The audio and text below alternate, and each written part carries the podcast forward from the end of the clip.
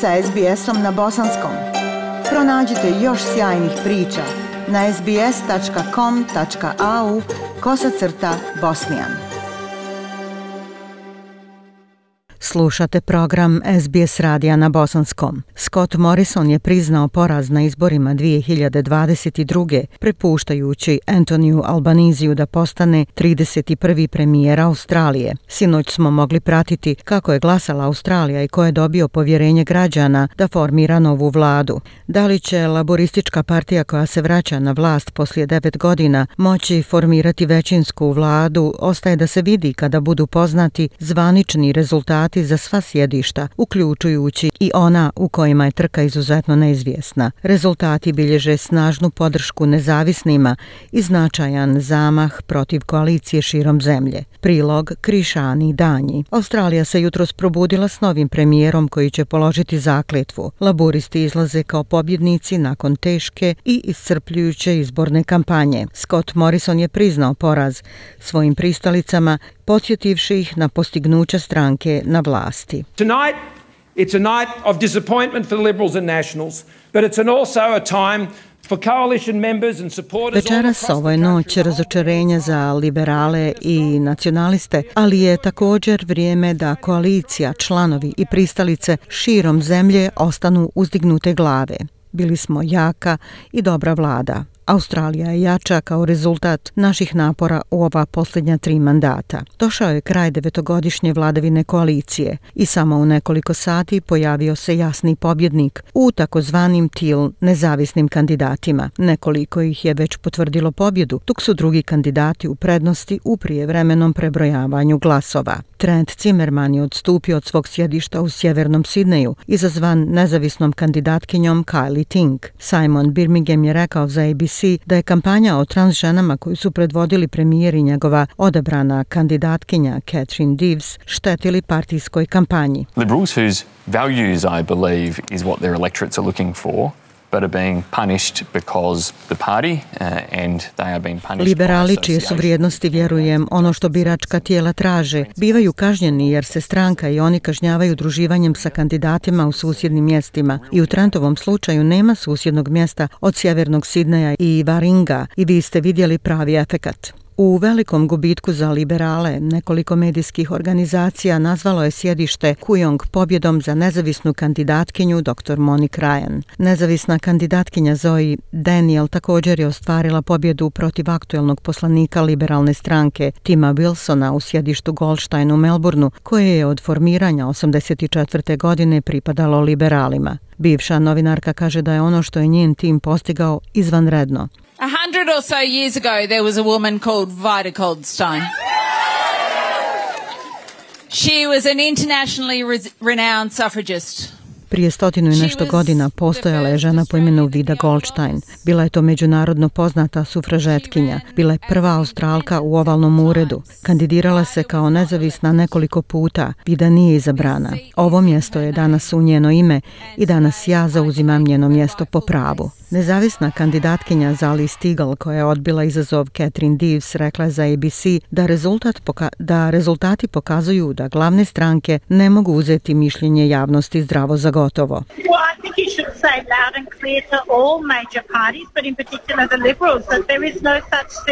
Mislim da bi trebalo jasno i glasno reći svim glavnim strankama, posebno liberalima, da ne postoji takva stvar kao što je sigurno sjedište, ali isto tako ne postoji stvar kao sjedište po pravu. Gubitak mjesta koje je liberalna stranka držala decenijama izazvalo je jasnu zabrinutost mnogih stranačkih umjerenjaka. Simon Birmingham je rekao za ABC da treba naučiti lekciju. It's a clear problem that we are losing seats that are heartland seats that have defined the Liberal Party for Jasan je problem da gubimo mjesta koja su generacijama definirala liberalnu stranku i tako ako izgubimo ta mjesta, mada nije sigurno da hoćemo, ali očito postoji veliki pokret protiv nas i očigledno je u tome velika poruka. Zeleni su također vidjeli veliki poraz glasova na progresivnim mjestima Griffith i Ryan u Brisbaneu. Prvi bi zamijenio prijašnjeg laboristu Terija Butlera, a drugi bi uzurpirao liberala Juliana Simonsa. Manja stranka je vodila žestoku kampanju u jugoistočnom Queenslandu koji je nedavno poharan velikim poplavama.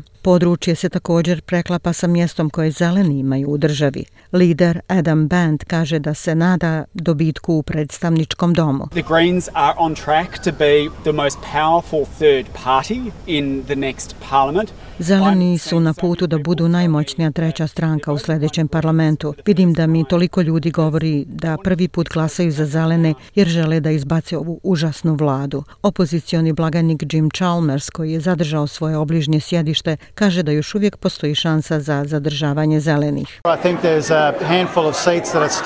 Mislim da postoji nekoliko mjesta koja još uvijek mogu ići na bilo koji način i koja bi napravila razliku između laborističke većine ili ne. Ali suočavaju se s velikom prijetnjom od strane druge nezavisne kandidatkinje, zamjenice gradonačelnika Fairfielda i vjetnamske izbjeglice Dai Li u sjedištu Fowlera. Dosadašnja senatorka Kristina Kennelly, koja je od strane svoje partije iz istočnog Sidneja prebačena na zapad grada, ima zaostatak u odnosu na nezavisnu kandidatkinju Daily. Laboristi su pretrpili najveći gubitak glasova u ovoj jedinici, pošto su prema primarnim glasovima dobili čak 17,3% manje nego prije tri godine.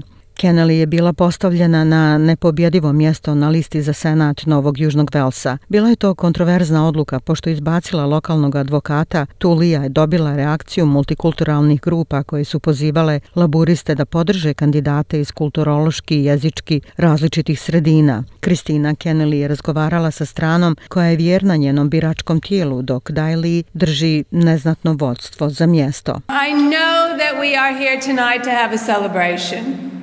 And yet, as we are here gathered this evening, it's not entirely clear yet the result in Fowler.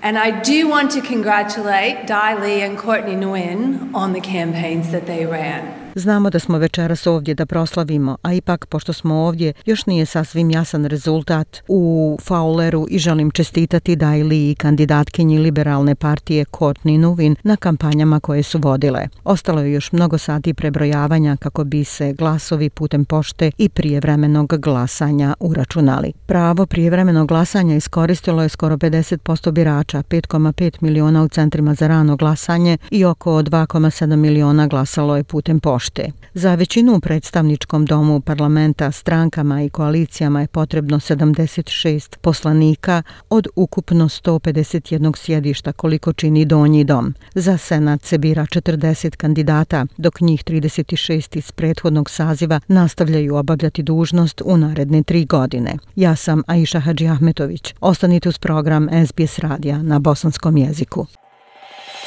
SBS na bosanskom. Podijelite naše priče preko Facebooka.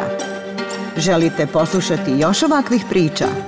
Slušajte preko Apple podcasta, Google podcasta, Spotify ili kako god da primate svoje podcastove.